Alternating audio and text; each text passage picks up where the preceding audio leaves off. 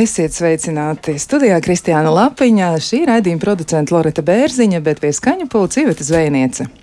Pētnieki ir atklājuši, ka risks saslimt ar sirds slimībām ir atkarīgs no tā, kāda cilvēkam ir asins grupa. Un te ļoti uzmanīgi, jo mēs nezinām, vai patiesi tā ir. Es atradu šādu te ziņu, un ir vēstīts vienā pētījumā, kas ir publicēts zinātniskajā žurnālā Aterosklerozis, trombozis un vascular biology. Tiem cilvēkiem, kuriem ir ceturtā, jeb tā saucamā AB asins grupa, esot vislielākais risks piedzīvot kādu sirds slimību. Savukārt tiem, kuriem ir trešā, otrā, ja B un A asins grupa, šis risks ir mazāks. Vismazākais risks esot saslimt ar sirdskaitēm m, mm, tikai e, šim te pirmajam, jeb nultajam e, asins grupas pārstāvim. Vai tā ir tiesa? Nu, nezinu. Tas noteikti jājautā kardiologiem, vai tur ir kāda saistība, bet tomēr ir kāda cita lieta, par ko mēs ļoti skaidri zinām. Sievietēm dažreiz viss ir savādāk. Un e, šodien mēs runāsim par sirds veselību tieši kontekstā ar to, kā tas ir ar sieviešu sirdīm. Un eh, arī, protams, akcentējot pasaules eh, sievietes sirds veselības dienu, mēs šodien runāsim vairāk par dāmām un mēģināsim arī noskaidrot, kas tad notiek šogad, kā tiek pievērst uzmanību tieši sieviešu sirds veselībai un kāpēc mums būtu tik svarīgi par to parunāt. Nu, lūk, un uzreiz ir iepazīstināšu ar studijas viesiem, un pie mums šodien studijā ir Veselīga dzīvesveida eksperts, sieviešu sirds veselības Go Red for Women vēstnese Latvijā kardioloģi, Latvijas Universitātes asociētā profesora Iveta Mintāls. Sveicināt! Labrīt!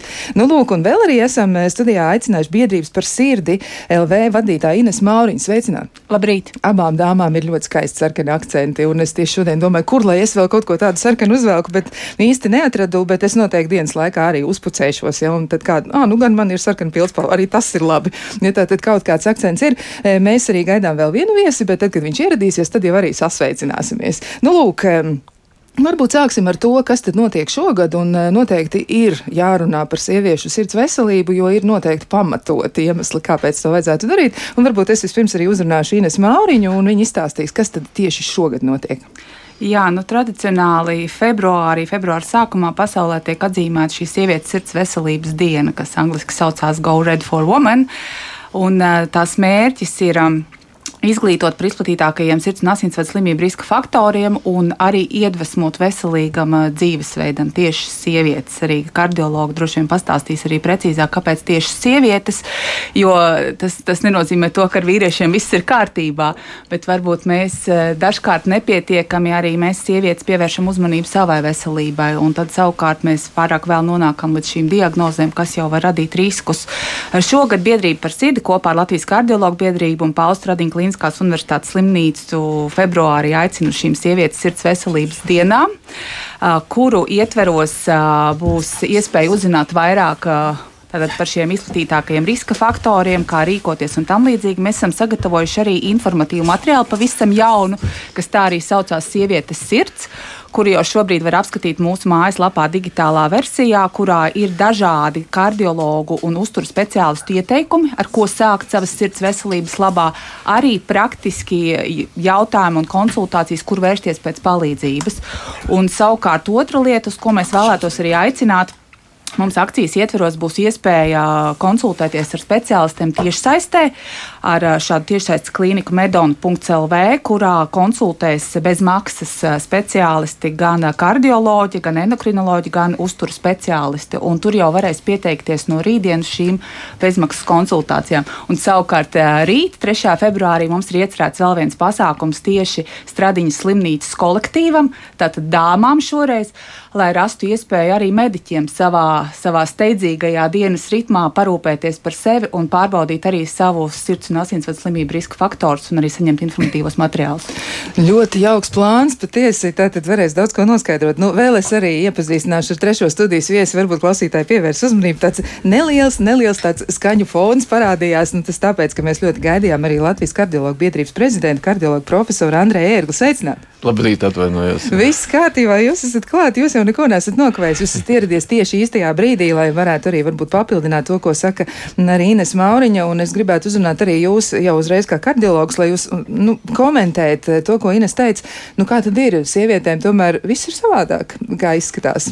Kā ir, kāpēc tā notiek? Un varbūt nu, vismaz kaut ko mēģinām. Mm, nu, sākotnēji akcentēt, un tad jau tālāk tā saruna noteikti varētu attīstīties. Kāpēc tieši sievietēm ir tā, ka viss ir citādāk, un kāpēc neatpazīst reizēm sirds slimības? Nu, Labi, tagad ļoti uzmanīgi, jo man ļoti pārmet, ka es teicu, ka kādreiz, ka sievietes tam arī mazliet citādas. Jā, Vispār jau ir. jā, jā, nu, jā, bet tagad tas ir ļoti, jā, bet eh, tā, tā arī tiešām ir. Un, un sievietes ir lielā mērā daudz pacietīgākas. Un, uh, tur ir ļoti īpatnēji tāda lieta, ka vīrieši varbūt tādu brīvīgi izturās to sievietes tā klusu, klusu parasti uztver savu veselību, un, un, un kas attiecās uz sirds saslimšanām un sirds asinsvadu saslimšanām, tad tiešām īpaši jau, kas ir saistīts ar koronārām slimībām, tad sievietes parasti mēģina to norakstīt uz tādām diezgan īpatnējām lietām, kādām, kas ir, ka varbūt vienkārši tas ir nespēks, ka tās ir kaut kādas nu, sliktas dušas un tādas, kas ir varbūt dzīves dēļ, darba dēļ un vēl vis kaut kā tāda. Bet, bet īsnībā tā kā jau gan profesors stāstīja, gan arī ko Ines stāstīja, īsnībā sievietēm ir jāpievērš daudz lielāka uzmanība, jo tur ir vienkārši ārkārtīgi vienkārši lieta. Mums pašreiz, ja mēs skatāmies to, kas agrāk bija un tagad, tad īstenībā, nu, protams, visi cilvēki, bet īpaši sievietes, vēl ja tas ir gan 55 un 60 gadi, ir ārkārtīgi jaunas. Ir ārkārtīgi jaunas visās tajās izpausmēs, nezinu, par izskatu, prātu un, un arī darbošanos. Bet, Diemžēl tie, tie, tie pēc tam 50 gadiem, 55 gadiem, drusku mainoties arī hormonālam fonam un daudzām citām lietām, pēc būtības sirds koronārā slimība attīstās tieši līdzīgi kā vīriešiem. Un tur nāk vēl gan drusku citas lietas, kuras mēs visticamāk tagad tikai sāksim atklāt, kas ir daudz vairāk, kas ir mazo artēriju slimība, to, ko mēs saucam tādu noku un tādu. Bet, bet, bet īsnībā tā galvenā lieta ir tiešām tās pārbaudas. Es esmu milzīgi priecīgs, tiešām esmu milzīgi priecīgs par to fonu, kas pašreiz notiek. Un, un, un es eh, nekad neaizmirsīšu to, to zābaciņu sarkanu, ko es atvedu no Amerikas. Tas izrādījās, ka tā ir kleitiņa sarkana, bet viņš vienkārši kaut ko tādu uz uzdāvināja eh, profesorai Vitālai. Tad izrādījās, ka tā ir tā šī, šī nu, kā tas ir ejiet sarkanā vai staiga vēl kā iet sarkana kustība, ja go red kustība un tā ir tieši par sieviešu sirds veselību. Tā kā man ir milzīgs, milzīgs prieks par šo fonu, kas pašreiz notiek Latvijā, jo, jo mēs tādā veidā varam tiešām uzlabot ne tikai dzīves ilgumu, bet tieši arī dzīves kvalitāti, un, un, un tās iespējas ir pašreiz fantastiskas. Jā, nu tā tad eh, tomēr tās lietas būtu dažas jāzina. Kas tad ir tas, kam vajadzētu pievērst uzmanību? Nu, kāpēc eh, šī kustība ir attīstījusies, acīm redzot, ne tikai tāpēc, vien, ka sievietes kaut ko norakst uz kaut ko citu, ja, un mēģina varbūt izskaidrot eh, savu pašsajūtu ar kaut kādiem citiem faktoriem, bet ir kaut kas reāls, uz ko mēs varam balstīties, kur tiešām ir nozīme nu, tam, ka šis konkrētais cilvēks ir sieviete. Nu, tad varbūt es profesoram Mintālē jautāšu, nu, kas ir tie pamatfaktori, varbūt, ja tas, kas būtu jāzina par to, kāpēc tiešām ir vērts tam pievērst uzmanību un, nu, lai nebūtu tā kaut ko palaiž garām. Jā, nu kāpēc mēs vispār runājam atsevišķi sievietes un vīriešu? Izrādās, tomēr tās atšķirības pastāv. Un, ja mēs visu laiku domājam, ka vīriešu izpausmes eh, koronārai sirds slimībai ir tipiskās izpausmes, tad sievietēm vienkārši tās ir drusku citādas. Un pamatojoties arī uz uh, to slimības attīstību, uh, profesors jau teica, tāda iespējamā mazo asinsvadu slimība, kas parasti izpaužās pavisam citādi, neizteiktām sāpēm, varbūt kādreiz tādu neparastu nogurumu ikdienas aktivitāti aktivitātēs, kuras vienmēr bija veicamas ļoti, ļoti vienkārši un komfortabli, un pēkšņi ir kaut kas mainījies. Tās ir tādas nianses, kurām vajadzētu pievērst uzmanību, un tomēr nebūtu nekad par ļaunu pa, pakonsultēties ar savu ārstu, jau kaut vai tādēļ vien, lai vienreiz mūžā uztaisītu funkcionālās pārbaudas, funkcionālus testus, kas ir absolūti pieejami, un tad dotu kaut kādu informāciju katram cilvēkam pašam par sevi, par viņa situāciju, kur būtu drusku jāuzmanās, kur kaut kas jāpiedomā, vai arī tieši otrādi pārliecība, ka viss ir ārkārtīgi labi un skaisti. Jo līdz šim varbūt mazāk sievietes bija uh, atsevišķi pētītas, mazāk pētījumos vispār piedalījušās, un tādēļ mūsu zināšanas šobrīd par sieviešu veselību ir arvien plašākas, un arī uh, mūsu slimnīcā, mūsu kardioloģijas centrā mēs plānojam arī plašāku pētniecību attiecībā uz šo. Jā, nu tā tad eh, arī tas, bet nu, tie bioloģiskie nosacījumi, vai tiešām ir tā, ka nu, sieviete nevar sajust to savu sirdi? Kā jūs vēl to varētu skaidrot? Par es tikai ir? vienu lietu gribēju teikt. Nu, ta, tas ir zināms, to, ko profesors teica, tas ir absolūti precīzi. Un, protams, ka tas nav tikai es tā sāku to, to tā mazām, eh, tā mazām arterijām, bet, protams, tas ir tieši tāpat arī tās viss tas pats, kas vīriešiem vēl ir, saku, apmēram pēc 55 gadu vecuma, 60, tad apmēram tas izlīdzinās. Problēma ir tā, ka sievietēm ilgāk nenotiek šī šīs lietas, bet toties, ka notiek, tās ir smagākas. Tādēļ pēc būtības mums jārēģē daudz, daudz ātrāk, un tas ir tā, tā, tas galvenais satraukums. Un arī otrs, bet tas nav, tā nav Latvijas lieta, tā ir visas pasaules lieta. Tiešām, ja mēs skatāmies uz pētījumiem, to, kā mēs kā mēs dzīvojam pašreiz. Es tāpēc uzreiz gribu teikt, ka lūdzu neklausiet tām reklāmām, par kurām man stāsta, ka es tur kaut kādus brīnumu līdzekļus reklamēju. Ja, es vienkārši man tas tomēr bija jāpasaka, tāpēc ka tās ir pilnīgs muļķības, bet, bet mēs darbojamies uz Nu, manā vienkārši tas notiek, eh, tas fake news vai ne. Bet, bet, eh, bet, bet sievietēm ir kaut vai anatomiski parasti sīkāki asinsvadi, mazāk diametra asinsvadi. Tie, tie ir grūtāk savā ziņā, nu, drusku mēs to mākam, bet drusku grūtāk ārstēm. Tādēļ tās, tās problēmas var būt eh, nu, citādas. Ja? Bet, Tā, tā otra lieta ir tā, ka visā pasaulē tiešām, ja mēs skatāmies uz pierādījumiem balstītu medicīnu, mēs pierādījumiem balstītu medicīnu, tie ir reģistri un tās ir tie randomizēti pētījumi. Un tad parasti sieviešu iekļaušana tur ir apmēram 25%. Respektīvi, tas jau tā ir tā, ka tie randomizētie pētījumi neap, neaptver visu to populāciju, kas mums ir. Un sievietes no tās vēl ir mazāk. Tādēļ tas ir mums arī mazliet grūtāk, kā jau profesors teica, tā pati tā, tā ziņa, bet, bet es īstenībā domāju, ka tas ir precīzi. Un, īpaši profesori pat ir arī mm, gan slodzes uh, testu speciālisti, nerunājot par vispārējo un tās lab, lab, kā labāk dzīvot speciālisti. Bet tā galvenā lieta ir tā, ka tu, domāju, ka tas nav vienreiz mūžā, ka slodzes testi un ehokardiogrāfija un kardiogramma ir jābūt regulārai mūsu dzīves tādai. Nu, drīzāk līdzīgi kā, kā fiziskām kultūrām. Tā tas nenozīmē, ka katru dienu jānāk.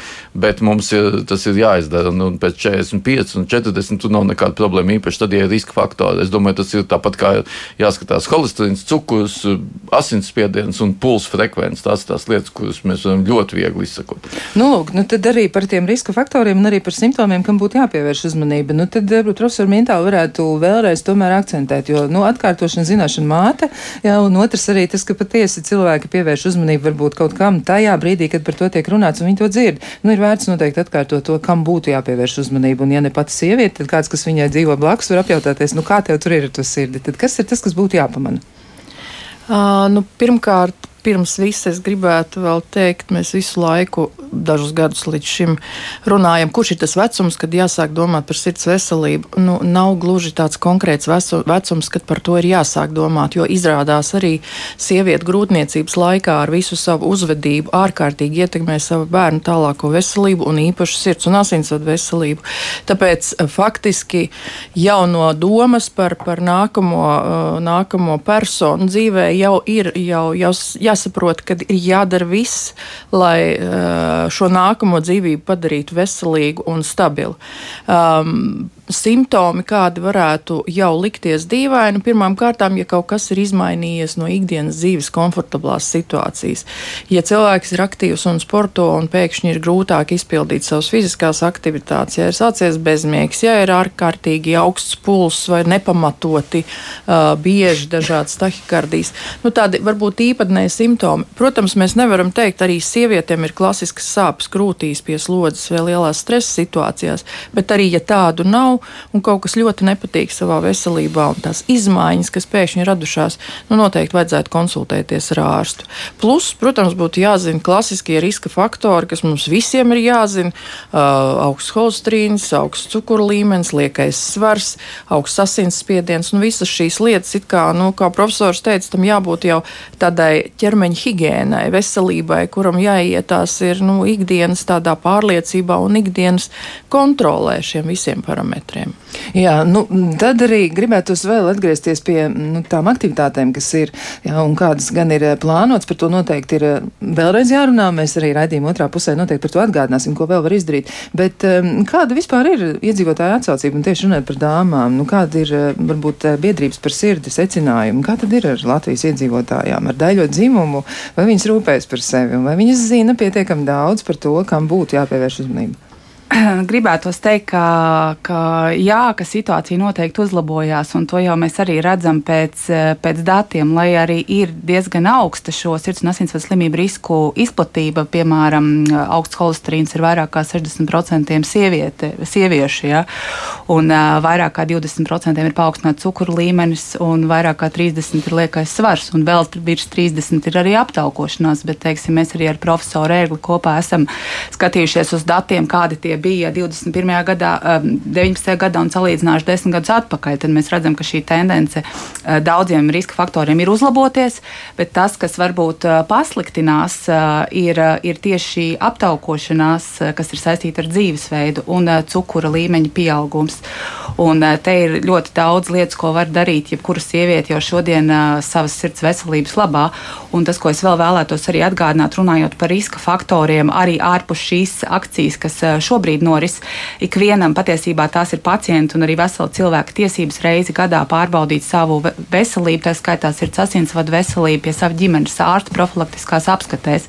Un savukārt, ja jums šogad, nu, teiksim, šobrīd uzrunājot arī dāmas īpaši, ir apaļāka jubileja starp 40 un 65 gadiem vai pusapaļi 45, 55, 65, tad ir iespēja arī šajā joprojām turpināt šī valsts tā saucamā skolu sirds un asinsvadu slimību riska novērtēšanas programma, kur jums ir tiesības doties pie sava ģimenes ārsta un lūgt veikt padziļinātu sirds un asinsvadu slimību risku izmeklējumus. Un, ja gadījumā atklātos, ka šie riski ir paaugstināti, tad arī saņemt konsultācijas un palīdzību tālākiem izmeklējumiem, lai novērstu šīs slimības. Un kad tas pirmais apaļais cipars ir 40? No 40. No 40. Tad, tad pavisam jaunām dāmām e, var piedāvāt šo te, un tiešām laikam jau, nu, jāpiekrīt, profesor Mintāla teica, nu, ka tur to vecumu tā ir, kā ir, ja nav tāda vecuma amplitūda, kur mēs varētu teikt, ka kaut kas kļūst draudošāk, jo jādomā par to visu jau laicīgi. Bet e, man liekas, ka nu, tie skaiti ir diezgan biedējoši - 60% un tas holesterīns. Nu, tas, par ko tas varētu liecināt? Nu, Profesori, man ļoti, pirmkārt, man ļoti patīk par tām dāmām, par tām dāmām un tiem kungiem. Nu, dāma ir jāaudzina tiešām tā kā profesors Mintāli teica, jau, jau tāpat kā kungi tajā mammas vēderā, to ir jāsāk. Un, un tās dāmas, mazās dāmas, tā kā viņas ir. Sāk iet bērnu dārzā, tā viņi sāk pucēties, un tagad vispār ir tāds nagu laks, tā kā man ir tie mazveidi, tad es zinu visādas lietas, un, un viena no tām dāmu lietām ir tiešām šī, šī higiēna, nu, higiēna visās tajās izpausmēs. Un šī ir arī gan garīgas higiēnas nepieciešamība, gan fiziskas higiēnas. Un tas ir jāsaka, tas nav nekādi 40 gadi.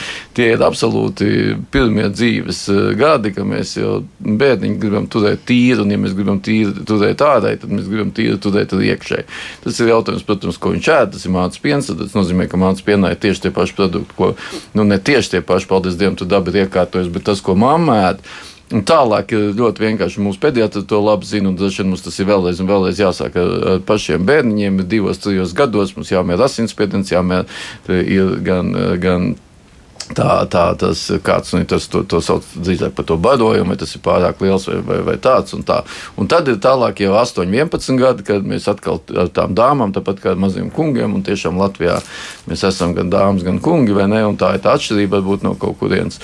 Un, un, un, un, un tad ir tas ir nākamais tas veids, un tad ir atkal jau 18, 20 gadi. Un, protams, tas ir vēl viens tas, tas milzīgais tas stāsts par smēķēšanu. Par smēķēšanu visās tās izpausmēs, visās tās izpausmēs. Un tāpēc mums ir jāsāk, un mēs ādamies par to smēķēšanu arī tajā, tajā vai ne tajā pusauģa vecumā, tad, ka tas tieši ietekmē endotēliju. Un endotēlis ir tas, tas taudiņš, tas tāds tā, kas taudiņam otrā pusē tam spārnam, kas ļauj tiem tām artērijām lidot. Nu, tad mēs vienkārši turam tīras, tā kā mēs tīram zobus. Nu, es ceru, ka lielākā daļa tomēr tīra divas reizes dienā tos zobus rītā vakarā, un bet nav nemaz slikti iztīrīt arī pa, pa, pa, dienas, pa dienas pa dienas vidu, jā, vienkārši lai tā elpa būtu labāka, arī tiem citiem bija, bija labi patīkamāk. Un tādā sakā, un tieši tāpat ir jādomā par mums artērijām. Visu, ko mēs jau bērns piedzimst ar holesterīnu zem viens. Zem viens, visu, ko mēs izdarām, mēs piedzaņķējam dzīves laikā. Nu, un tad domājam, kā mēs turam tīru sevi, kā mēs turam tu- tī- tīru psiholoģiski sevi un arī kā mēs turam tīru savus artērijas. Bet, bet vēlreiz un vēlreiz, skaidrs, ka holesterīna vielmaiņa un īpaši vairāk uz ziemeļiem nav tik vienkārša lieta. Tādēļ tu nevienmēr vari pārmest tik ļoti arī cilvēku. Faktiski īstenībā galīgi nevar pārmest. Nu, Tā arī nevar teikt. Jā, jau jā, profesors Vaida. Profesors Maidiņa, Nē, nē, jā. nu, protams, ka var pārmest. Ja jūs rījat kā piedošana, tā, teiksim, tādu es neteikšu, ko to, to dzīvnieku vārdā, tad jūs, protams, ka, ka eh, pie, piedaņķēt artērijas. Bet ir, diemžēl, arī noteikts tās, eh, tās eh, vienkārši mm, mūsu bioķīmiskas un metaboliskas, respektīvi, vielmaiņas tās lietas, kur dažiem holesterīns ir vairāk. Tad mums arī ir noteikts intervences. Jo, ja jums ir tikai viens holesterīns paaugstināts, bet jums ir labs dzīvesveids, jums nesmēķējat, jums nav paaugstināts asinsspiediens, tas attiecas gan uz vīriešiem, gan uz sievietēm, tad tas risks ir mazāk.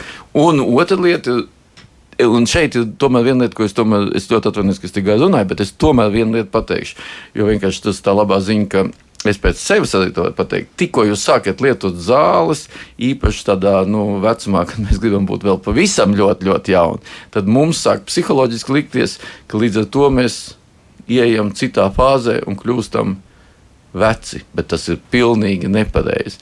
Medikamenti bieži vien, un faktiski nevis bieži vien, bet īsnībā izgudrot tādēļ, nevis lai mēs kļūtu slimi, bet tādēļ, lai mēs kļūtu veseli. Un tā mums pašai šis klāsts ir daudz lielāks, un tur ir jāpārvar šī psiholoģiskā barjera. Tāpēc, ka es domāju, īpaši sievietēm, ja viņas arī lieto piemēram, kontracepcija kā medikaments, nu, tu ne, nedomā, ka viņas ir vecas, drīzāk otrādi. Tas ir absolūti ne, normāli un tā tālāk. Ja?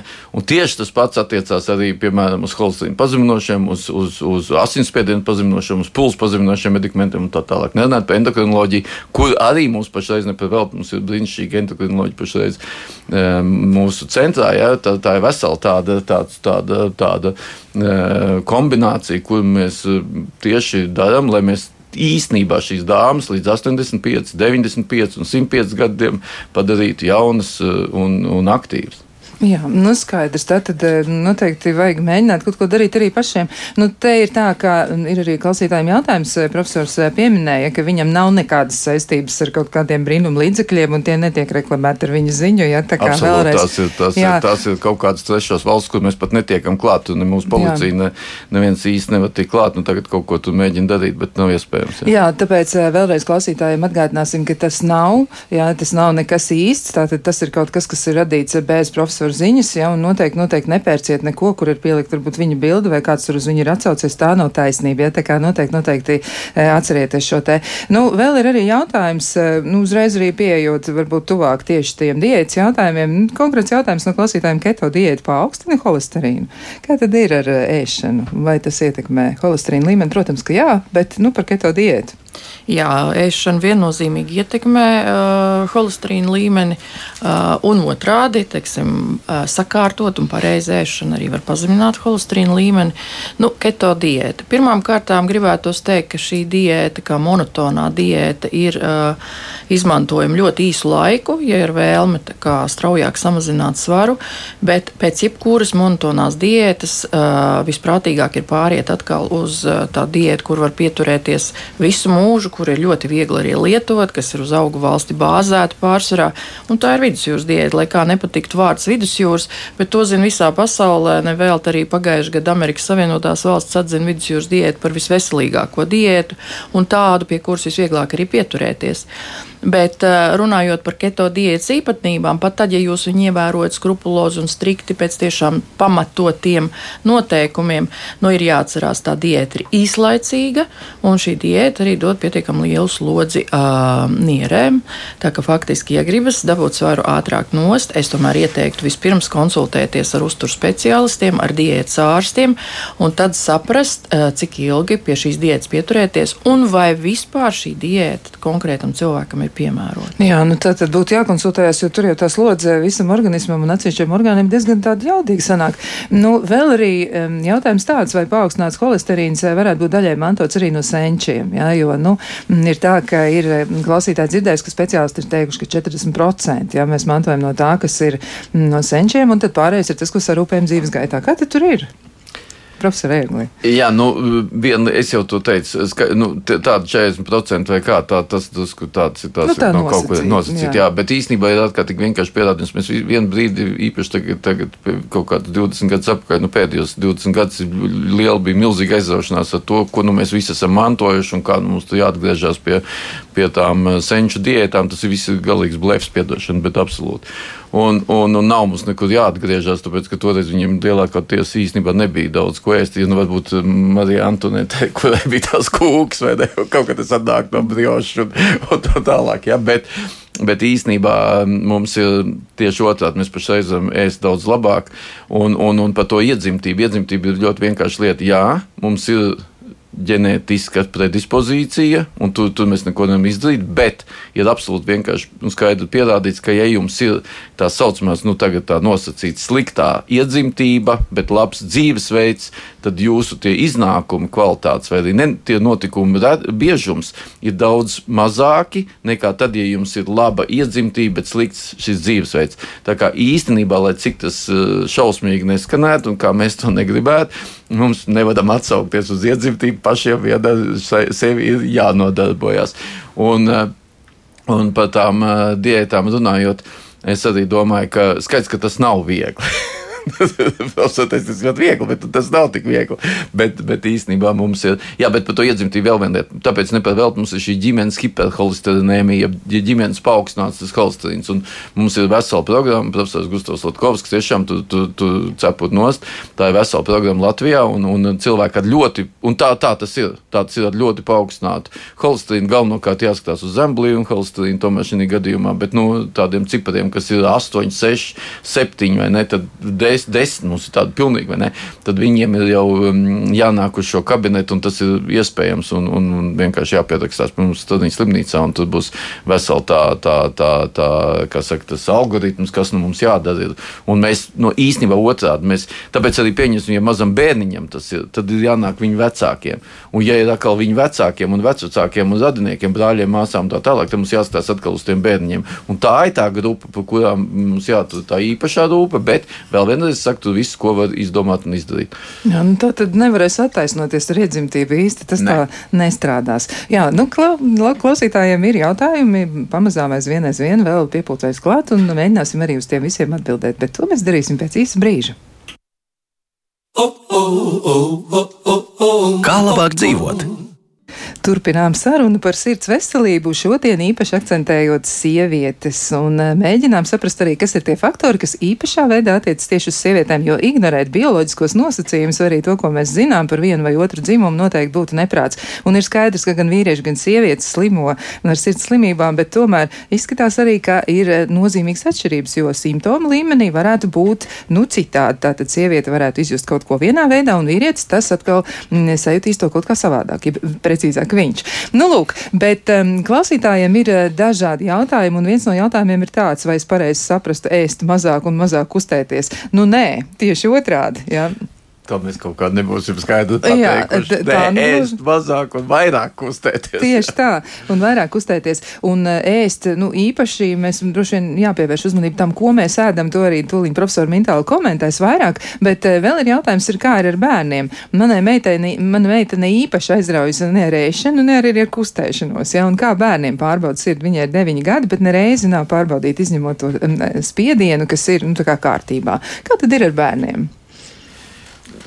Nu, e, Ziniet, es ļoti, ļoti ceru, man, paldies Dievam, ka dažādi tādi apstākļi detekti, vairāk tā, tā, tā darbošanās ar pediatriem. Un, un, nu, tur, tur ir viena tāda lieta, kas man liekas, kur mēs drusciņās e, arī varbūt palaidām garām, tad, kad mēs sākām veidot šo neatkarīgās Latvijas 90. gados šo, šo sistēmu, vai ne medicīnas sistēmu. Mēs viens brīdis bija tiešām, jo man pat pēdējā ir milzīga cieņa, milzīga cieņa, bet mēs kaut kā Viņus faktiski aizmirsām pat nīcinājām. Un tagad mēs plūcam augļus tajā. Un, un, un mums ir jānāk, un pediatrijai ir jāattīstās. Un, godīgi runājot, mums ir tagad pediatrijai faktiski jāvelta ļoti milzīga uzmanība. Tieši tāpat kā vecāku cilvēku ārstēšanai, kas, ap citu, varbūt drusku pat ir psiholoģiski līdzīga.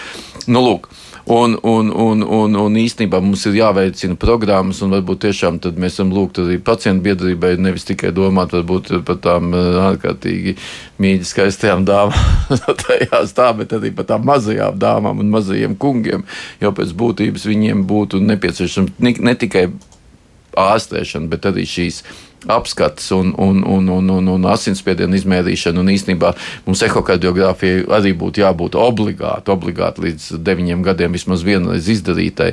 Un, un īstenībā tas, tas ir tāds jautājums, kas ir valstiski risināms. Un, sapratu, mums bija tāds, eh, Ingrīda Citens laikā, mums bija tādas programmas, ko mēs sākām Liepājā. Un ļoti interesanti, piedāvājām, mēs tos bērnus iesaistījām tā, ka viņi sāk saviem vecmāmiņiem, vectētiņiem gan skaitīt pulsu, gan mērīt spiedienu. Un tad mēs Jā. izdarījām gan tādu kopēju, tā ir tāda ģimenes īstenība īstenībā ģimenes, nu, kā to sauc tagad, tās komandas saliedēšana vai vēl kādu. Tā kā, tu, kā jūs, jūs ļoti precīzi teicāt, mums īstenībā vienam otru jāpieskat. Un tas ir jāsaka ģimenē, tas ir klasē jāpieskat, tas ir sabiedrībā jāpieskat, tas ir mūsu mazajā, bet ārkārtīgi foršajā valstī, Latvijā jāpieskat. Un, Un, un, un, un, un tas ir tas stāsts, jā, un tas jāsāk visiem bērniem un līdz mm. jebkādam lecumam. Jā, nu tā tad tomēr ir vērts un pievērst uzmanību. Nu, vēl ir jautājums tāds, nu, ka mēs tā skaisti runājam, ja, bet uz smalkākiem izmeklējumiem, īpaši pie laba kardiologa, var gaidīt rindā ļoti, ļoti ilgi, un no ģimenes ārsta īsti jēgas nav uztais analīzes un uzrakst nosūtījumu.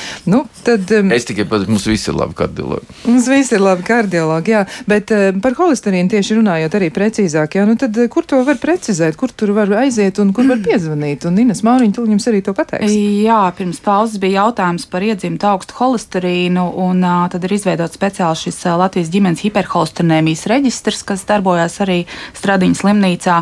Un, uh, ja jums ir šis holesterīns paaugstināts, tad tas, ko iesaka ārsts, pirmais konsultēties ir ar savu ģimenes ārstu, un ja, ja šis, šis varētu būt šīs aizdomas par ģimenes hiperholesterinēmiju, tad vērsties šajā reģistrā, un es arī varu nosaukt tālruņa numuru, uz, uz kuru var zvanīt vai pacients pats vai viņa, viņa ārsts ārsts, un tas ir 2544, 96, 74. Tad 25, 44, 96, 74. Un eh, vēl es arī aicinātu, ja jums ir iespēja apskatīties interneta resursā par holesterīnu.lv, tur ir arī atrodama plašāka informācija gan par holesterīnu, gan par ģimenes hiperholesterinēmiju, gan arī par šo reģistru. Nu, tā tad eh, pazvaniet un noteikti arī sameklējiet informāciju. Mums ir arī klausītājs zvani, un nu, tad ķersimies arī pie tiem un mēģināsim uzklausīt, kas tad ir sakāms. Mēs jūs eh, varbūt arī uzreiz tuliņ dzirdēsim. Sveicināti, mēs klausāmies! Uh, labdien! Labdien! Tā man, es vēlāk pieslēdzos, es īsti nezinu, varbūt jūs par to jau esat runājuši. Man gribējās zināt doktoru viedokli par to, nu, salīdzinoši jauno izgudrojumu doktors Tereško kopā ar Koksnes ķīmijas institūtu Betulīns. Paldies par jautājumu. Tas ir pagaidiet, vēl viens jautājums man ir. Te izskanēja tas viens uh, skaitlis, ko es nekādu nevaru, gadu skaitlis, ko es nevaru saprast. Te bija līdz 65 gadiem. Un kas notiek pēc 65 gadiem? Mēs vairs neslimojam, vai mēs vienkārši mirstam nost? Paldies par jautājumu. Kāpēc šis cipars ir 65? Jo, teiksim, es gribēju uztaisīt, citi neiet, bet es gribēju uztaisīt vēža skrīningu, es par to maksāju. Un citi ar visiem saviem atvieglojumiem neiet. Kāpēc pēc 65 gadiem pēkšņi viss ir cauri? Paldies Jā, par jautājumu. Man atbildēt. Jā, paldies! Jā. Mēģināsim noskaidrot, kas tad īsti notiek ar tiem 65 gadiem, jo, protams, ka nu, cilvēki arī pēc 65 gadu vecuma grib zināt, kas ar viņiem eh, tur ir un eh, kā tad eh, nu, viņi varētu parūpēties par savu veselību. Varbūt ir kāds komentārs par šo. Jā, nu tad, profesori, un, nu, gan viens, gan otrs. Par tiem 65 Jā. gadiem es gribētu teikt, ka mēs jau runājām, tikko Ines stāstīja par mm -hmm. primāru primāru sevis pētīšanu, primāru diagnozu uzstādīšanu, riska faktoru noteikšanu. Nu, tam jau būtu, būtu jābūt iepriekš izpētītam, un katram būtu jāzina savas vājās vietas, un katram jau būtu jābūt uzsākušam tās visas lietas regulēt. Bet, ja tas nav izdarīts, tad ar ģimenes ārsta nosūtījumu, jebkurā gadījumā var izdarīt, nu, es esmu pārliecināta arī vēža skrīningu, bet, bet jebkuru izmeklējumu attiecībā uz kardioloģiju. Un faktiski nevar noniecināt arī ģimenes ārstu ārsta teiksim, to pirmo soli, ģimenes ārsts vai kardiologs ieskatoties acīs noteikti nevarēs pateikt, vai ir augsts spiediens vai holesterīns. Tieši tāpēc ir vajadzīgs izmērīt pirmoreiz asins spiedienu un uztaisīt analīzes, kā tikko bija vienā komentārā rakstīts. Tieši tas ir pirmais solis, un tieši tur arī var iegūt lielo informāciju par pašu pacientu, un tad arī pēc skolu sistēmas viņu vērtēt. Tā ka faktiski atliek tikai uh, draudzēties ar ģimenes ārstu un runājot par uh, tikšanu pie kardiologiem cilvēkiem. Ja tas nav kampaņveidīgi, un jūs izdomājat šodien un tagad, tad jebkurā gadījumā plānveidā ieplānot uh, savos, teiksim, tālākajos mērķos, aiziet pie kardiologa un dabūt konkrētu datumu, tā nu gan nav problēma. Jā, nu tas varētu būt par to domāšanas veidu, kā mēs paši raugāmies uz savu veselību. Ja mēs gribam uzzināt vairāk, mēs varam tiešām laicīgi to ieplānot. Nu, tieši tā nav kampaņa, tā ir visu laiku savas veselības mīlēšana un vērtēšana. Jā, nu vēl arī precizējums attiecībā uz asinsspiedienu, ja, jo ir ir dažādas leģendas, kas klīst pacientu galvās un arī vispār nu, cilvēki, kam ļoti, ļoti grib ticēt, nu kā tur ir asinsspiediena. Laikam jau tomēr tas ir diezgan konkrēts skaitlis, kādam būtu jābūt, jo jautājums ir tāds, nu, piemēram, kāda ir sirds riski, ja ir pazemināts asinsspiediens, ja tā tad 90 uz 56, ja, nu tā tad ļoti, ļoti tādi, nu tiešām zemi tie cipari izklausās. Nu tad kā tur ir? es divas lietas, jo drīkst. Otrādi, 65 gados dzīve sākās. 65 gados mums Vēl 50, atsaucoties, mums ir jā, uz to 55, iepriekš ja man tas jāpasaka, 55 gadi jādzīvo. Tā kā tu nu, otrādi, es milzīgi priecājos par šo, jo tieši tam ir jābūt tādam dzīvespriekam, un, un tu, tu vienkārši, bet, bet starp citu, tas pārmetums ir mazliet vietā. Un, Mm, un, un, bet tas ir tas, kas, kas ir noticis pēdējā laikā. Jāsaka, Latvija ļoti ātri sasniedz atkal to iespēju dzīvot ilgāk. Par betulīnu es tikai pilnīgi vienu vārdu, tu- tā ir liela taisnība, ka betulīns ir ļoti interesanta viela, bet pagaidām mums nav skaidri izp- izpē- izpētīts tās. Tādas zāles nav radītas, bet tiešām ar Koks ķīmijas inst- institūtu un ar daudziem citiem. Tur ļoti interesanti. Latvija ar to betulīnu tas ir bēzu mizās, ir, un tur, tur varētu būt ļoti interesanti tie lieti, bet nu, tas pagaidām netiek lietots noteikti kā zāles. Tas ir jāsaprot, kā zāles nekādā gadījumā, jo mums nav tādu pierādījumu vēl un tā. Un kas attiecas uz asinsspiedienu, ļoti vienkārši 120, 80. Tur nav, tur nav, kā saka, nav nekādas. Kā, kā Frančija saka, nomersīt, tur nav, nav, nekādas, nav nekādas tās izņemot, izņemot. Izņemot, eh, varbūt sirds mazspējas pacients, kuriem mēs negribam, lai asinsspiediens būtu zemāk par 110, bet, ja jums nav tādas un, un, un, un ir tādi jaunavīgi tie, tie, tie asinsvadi, nu labāk teikt, arterijas un īpaši veitnē vai kā, tad, tad tas 90 tā var būt. Tas nav riska faktors, izņemot tas, ka varbūt kādreiz cilvēks sliktāk jūtās, bet tur ir labs zāles, tas ir augsta duša, tā ir varbūt laba tēja vai kafija un sportoša, sports jau kustība, tā kā tās ir diezgan labas zāles kas dažreiz nav viegli, jo tas ir apgūts lokus. Ja jums ir mazāks, as- zemāks asinsspiediens, citreiz jūs jūtat to nogurumu un varbūt tādas lietas. Un noteikti vienīgā lieta, kas ir tiešām ir jāskatās, ir, vai tur arī nav anēmijas, respektīvi, ja tur nav kāda, kādas, varbūt to, ko mēs saucam par mazasinību. Ja, Nu, no tautā. tas kāds papildus faktors. Jā. Jā. Ir vēl kāds klausītājs zvans. Mēs klausāmies, lūdzu, mēs jūs dzirdam. Labdien! Es, man ir jautājums, sakiet, kā tālāk būt? Man um, profesors Latkovskis uzaicināja, man ņēma asinis, kādus ļoti daudz stobriņus, teica, es būšu redzeslokā viņiem. Jā, es laikam pār, pāris ja reizi tiku izsaukta, vai ne, un ar to viss palika. Man gribās zināt, kā tur ir ar to hipoglikemiju, ja pareizi nosaucu, man ir uh, holesterīns augsts un, un tāpat cukurs, nu, kaut kā viss ir palicis pusceļā, kā būt, un, un, un, un vai tā Paldies par, būt? paldies par jautājumu, bet um, man šķiet, ka šis varētu būt nu, nevisai um, atbildāms jautājums. Tajā nozīmē, ka mēs nezinām to priekšvēsturi tik smalki. Ja? Nu, noteikti būtu atkal jāpainteresējas, varbūt arī var savu ģimenes ārstu izmantot kā avotu, kā tur tālāk risināt. Ja tur ir kāds pētījums bijis, vai varbūt vēl kaut kas cits. Nu, Nu, tad- nē, visdrīzāk ģimenes hiperholstinēmijas kabinetā. Nu, jā, vai arī tur- un tiek uzsākta ārstēšana, un tālāk to kontrolē, ja ir nepieciešams kardiologs, bet pārsvarā ģimenes ārsts. Un faktiski arī tās analīzes visiem tiek uh, paziņotas vai, vai, vai uh, parādīts, un šobrīd analīzes visiem ir pieejams arī uh, manā veselībā, tā kā faktiski tādas slēpšanas status es vispār nespēju iedomāties. Nē, nu, skaidrs, es arī drusku saprotu. Nu, protams, ka tā ir drusku bijis tā, tā, tā uzmanība, un tad, tad vienkārši tur jāsaprot viens, ka tad, ar tiem resursiem, kas mums ir, mēs nevaram, mēs varam tikai to sākumu izdarīt. Un tālāk tas jau ir ģimenes ārsta uzdevums, tā kā mums ir, un piedod, mūsu ģimenes ārsti īpaši ir, ir veseli ļoti, ļoti labi un arī ārkārtīgi informēti par šīm lietām. Un, un ja tur ir tiešām kaut kāds tāds jautājums, kas ir bijis, tad es domāju, var mierīgi piezvanīt vēlreiz uz šo telefonu un jums uh, to atbildēs, un tad uh, vienkārši tur jāapskatās. Jā. Tā tad eh, vajag pašiem eh, būt arī tādiem Bet- aktīviem un interesantiem. Jā, bet īstenībā, īstenībā tas vienkārši parāda to problēmu, ka mums ir vēl daudz vairāk, un tagad tieši arī saimā nākamā nedēļa šī, šī eh, varbūt tāda vesela tāda. Tāda komisija par sirds un asinsvadu slimībām uz nākamajiem 3-4 gadiem. Tas, tas, īsti, tas, ko mēs gribam, vienkārši atgriezties to, ko mēs esam izdarījuši, un kas ir pieņemts ministra kabineta lēmums, ka mēs vienreiz radīsim 40 apmēram sirds kabinetus, kas iespējams varbūt pat ir nav tikai vairs sirds kabinets, bet tāds tā kā mazs poliklīniks, kur ir onkoloģija, tā kā jūs minējāt, un, un visā Latvijā atkarībā no iedzīvotāju blīvuma. Un, mīļie politiķi, lūdzu, lūdzu, jūs redzat, ka tautas pieprasījums ir ārkārtīgi augsts, un tiešām mums ir jādzīvoties 120 gadu piedāvām nevis eh, tādā nožēlojamā stāvoklī, bet aktīvi dāmiski, kundziski. Un, nu, kā, nu, kādu jā, mēs gribam. Jā. Nu, vēl klausītāji arī atzīmē, ka nu, viņi aicina mūs nemaldināt par kardiologu pieejamību, jo maksas pakalpojums, kā klausītājs raksta, ir pieejams 2-3 mēnešu laikā, un valsts apmaksāts vēl ilgāk. Tiesa gan šī rinda noteikti būs, bet ja mēs domājam par sevi vispār, nu, tad visticamāk, ka nu, tie 2-3 mēneši, ja mums nav nekāda izmaiņa, bet mēs gribam pārliecināties, vai viss ir labi, nu, tas varētu būt arī e, ļoti, ļoti tāds, nu, pat piemērots laiks, tad var to ieplānot. Ja? Laikam jau cilvēki tomēr dodas pie ārstiem bieži vien tad, kad jau kaut kas notiek, un tad tas ir problemātiski. Nu, vēl ir tā, ka Mm, tāds eh, ļoti, eh, ļoti, jā, tāds ļoti kolorīts vēstījums mums ir no viena no klausītājiem, un eh, man arī visu laiku gribas to, to pateikt, ko viņš ir uzrakstījis, un viņš raksta skaidri un gaiši, kā palīdzēt sievai, kurai ir augsts asinsspiediens, un kā pievērst uzmanību, viņas uzmanību. Jā, viņai ir 43 gadi, neko nedara lietas labā, ēd kā malkcirtējs un dzen vīnu vai vakaru. Es mīlu savu sievu, bet satraucos, ka viņa neko nedara. Nu, ko tad? Nu, tad ņemiet aiz rokas un aizvediet pie ārsta.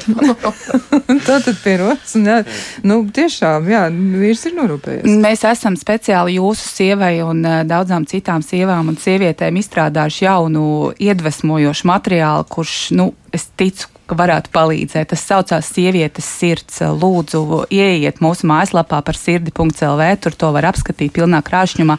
Tur ir dažādi ieteikumi, eh, noderīgi padomi, praktiskas lietas, eh, kas varētu noderēt arī, arī jūsu sievai. Lūdzu, izmantot. Jā, nu tā tad noteikti, un te ir, es nu arī neko daudz neteikšu, jā, bet, piemēram, skatoties uz šo brīnišķīgo izdevumu, kas arī man, šobrīd ir uz galda drukātā formātā, es varu pateikt, ka, piemēram, ir jaunības eliksīrs, slēpjas veselīgās detaļās. Nu, ļoti aicinošs virsraksts kaut kam, kas tur ir atrodams. Tā kā noteikti klausītāji aicināsim pašu palasīt un arī tad tiešām ņemiet sievu pie rokas un, un, un, un dodieties, dodieties pie ārsta. Nu, lūk, vēl arī ir tāds jautājums, kas arī ir ļoti konkrēts un tas attiecas vairāk uz pulsu, ja, un arī uz asinsspiedienu. Asinsspiediens, kā klausītāji raksta, ir normāls, tātad 120 uz 80, brīnišķīgs cipars, mēs nevaram piesieties, bet ir milzīgas pulsa svārstības, bez liels piepūles no 55 līdz pat 160, pat 170, un, piemēram, vadot automašīnu, vai ir jāuztrauc šādā situācijā? Nu, kā tad ir? Jā, protams, ir jāuztraucas un noteikti ir jāiet uh, pie kardiologa. Viens no izmeklējumiem ir 24 stundu kardiogramma, kurā var izvērtēt pulsu svārstības. Tad jau tālāk kopīgi ar kardiologu tā lieta jārisina. Labi, un tad mēs atkal uzreiz aizbraucam atpakaļ uz vidusjūras reģionu. Mēs esam tur, kur ir silts un skaists un saulains un zils debesis pārsvarā ir virs galvas. Un to mēs varam sasaistīt ar vienu no komentāriem. Vai speciālistiem ir komentāri par zārnu veselības saistību ar sirds veselību un ko dod tādu, tādu tādu sīku mazu izmaiņu ieviešana dzīvesveidā, papildus medikamentozē terapijai, tāda ir nepieciešama. Nu, piemēram, šķiedru vielu maisījumu lietošana katru rītu vai vēdera izējas sakārtošana. Kāda ietekme tas atstājas sirdu un asinsvadiem? Nu, tad, nu, profesor Vintāli, jums noteikti būs uh, komentārs par šo.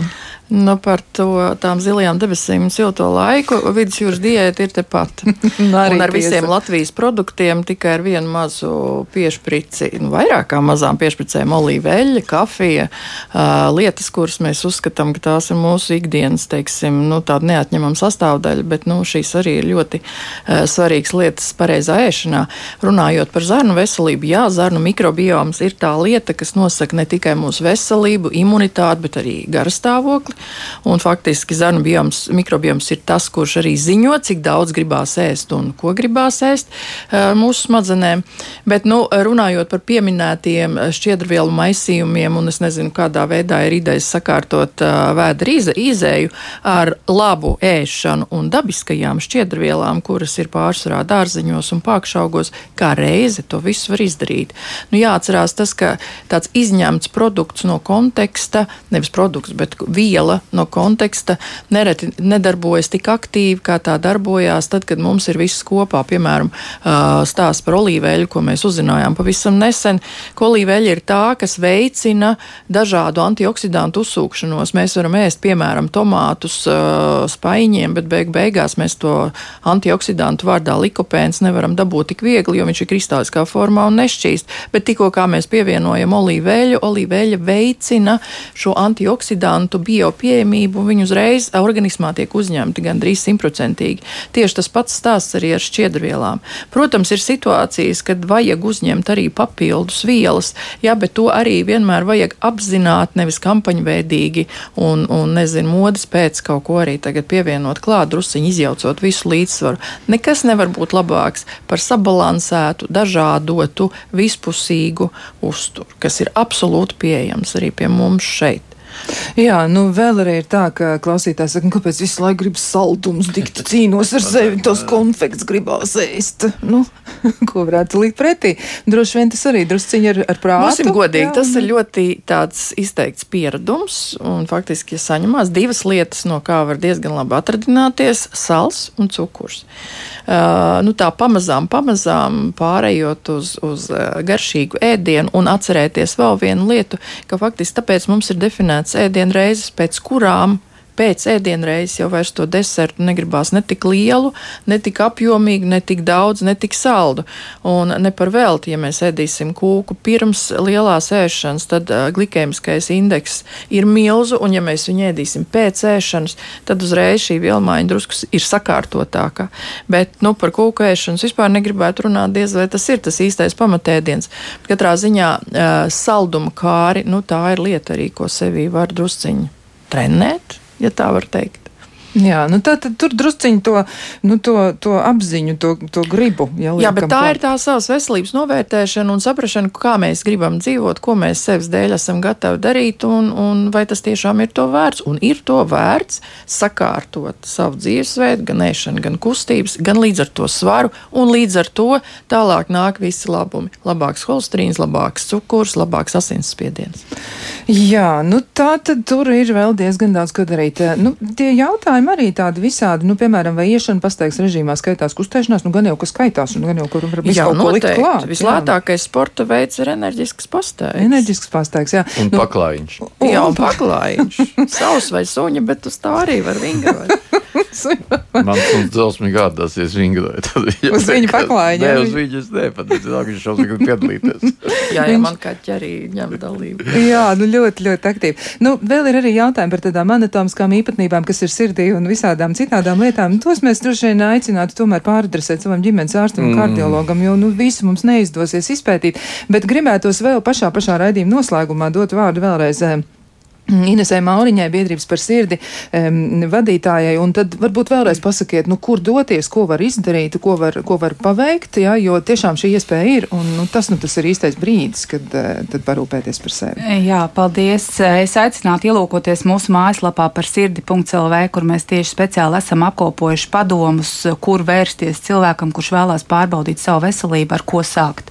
Un tas, ko es arī vēlētos atgādināt, tas, par ko mēs runājam, un mēs arī cenšamies uzsvērt, ka ģimenes ārstu ir jādraudzējas, ir jāatrod tā kopīgā valoda, tas ir pirmais ārsts, pie kura vajadzētu vērsties, jo runājot par ārstu pieejamību, tas tiešām ir tas, ko mēs dzirdam no pacientiem. Bieži ir zināmas problēmas, bet tad, kad mēs jautājam, vai jūs bijāt, vai jūs esat bijis pie ģimenes ārsta, vai jūs zinat savus rādījumus, izrādās, ka cilvēks to pat nav darījis. Tas ir tā, tā būtu tā pirmā lieta, ar ko būtu svarīgi sākt. Savukārt mūsu šīs arī akcijas ietveros, tad tas ir tas, ko mēs aicinātu šoreiz gan dāmas, bet citkārt mēs aicinām gan dāmas, arī gan kungus, bet šoreiz dāmas aicinām izmantot iespēju konsultēties eh, tiešsaistē. Tas nozīmē, var neizejot no mājas, ja vien jums ir dators vai vietālrunis, vai varbūt var palūgt bērnam vai mazbērnam palīdzēt un saņemt konsultācijas varēs no kardiologiem, no kardioloģijas, tieši dāmas mums arī konsultēs eh, kardioloģija, uzturs speciālisti un endokrinoloģija. Un tas notiks sadarbībā ar eh, tiešsaistes konsultāciju platformu medon.lv. Un tas jau būs jau iespēja pieteikties sākot no rītdienas šīm konsultācijām. Konsultācijas skaits gan ir ierobežots, bet nu, tāpēc es aicināšu izmantot, izmantot laiku liederīgi un sākt no rītdienas pieteikties. Un savukārt, kā jau teicu, informatīvos materiālus visus var atrast arī mūsu mājaslapā par sirdi.lv. Tātad par sirdi.lv un eh, laikam mēs paši pie sevis tad eh, prātā paturam par sirdi. Nu, par sirdi, draugi. Par sirdi ir jādomā gan eh, vīriešiem, gan sievietēm, gan bērniem, gan arī vectētiņiem, vecmāmiņām. Mums visiem par to sirdi ir vērts apdomāties. Nu, ko milzīgs paldies gan veselīgi dzīvesveida ekspertē sieviešu sirds veselības Go Ready for Women vēstnesē Latvijā, kardioloģijai Latvijas Universitātes profesorai, asociētai profesorai Ivetai Mintālai, Latvijas kardiologu biedrības prezidentam, kardiologam profesoram Andriem Ērglim un, protams, biedrības par sirdi LV vadītājai Inesē Mauriņai. Arī klausītājiem paldies par to, ka jūs bijāt klāt, uzdevāt savus jautājumus. Dažus no tiem mēs noteikti paturēsim prātā un atkal aicinot šos pašus viesus šai brīnišķīgajā kompānijā, mēs uzdosim tos jautājumus kādā citā reizē. Bet rīt jūs kopā ar Elvi varēsiet pētīt, ko tad izdarīt dārzā ziemā. Tā tikai liekas, ka dārzs ir aizmidzis. Patiesībā jau tur kaut kas arī notiek. Lai jums jauka diena un tiekamies atkal kādā citā reizē. Un lai jūsu sirdī labi!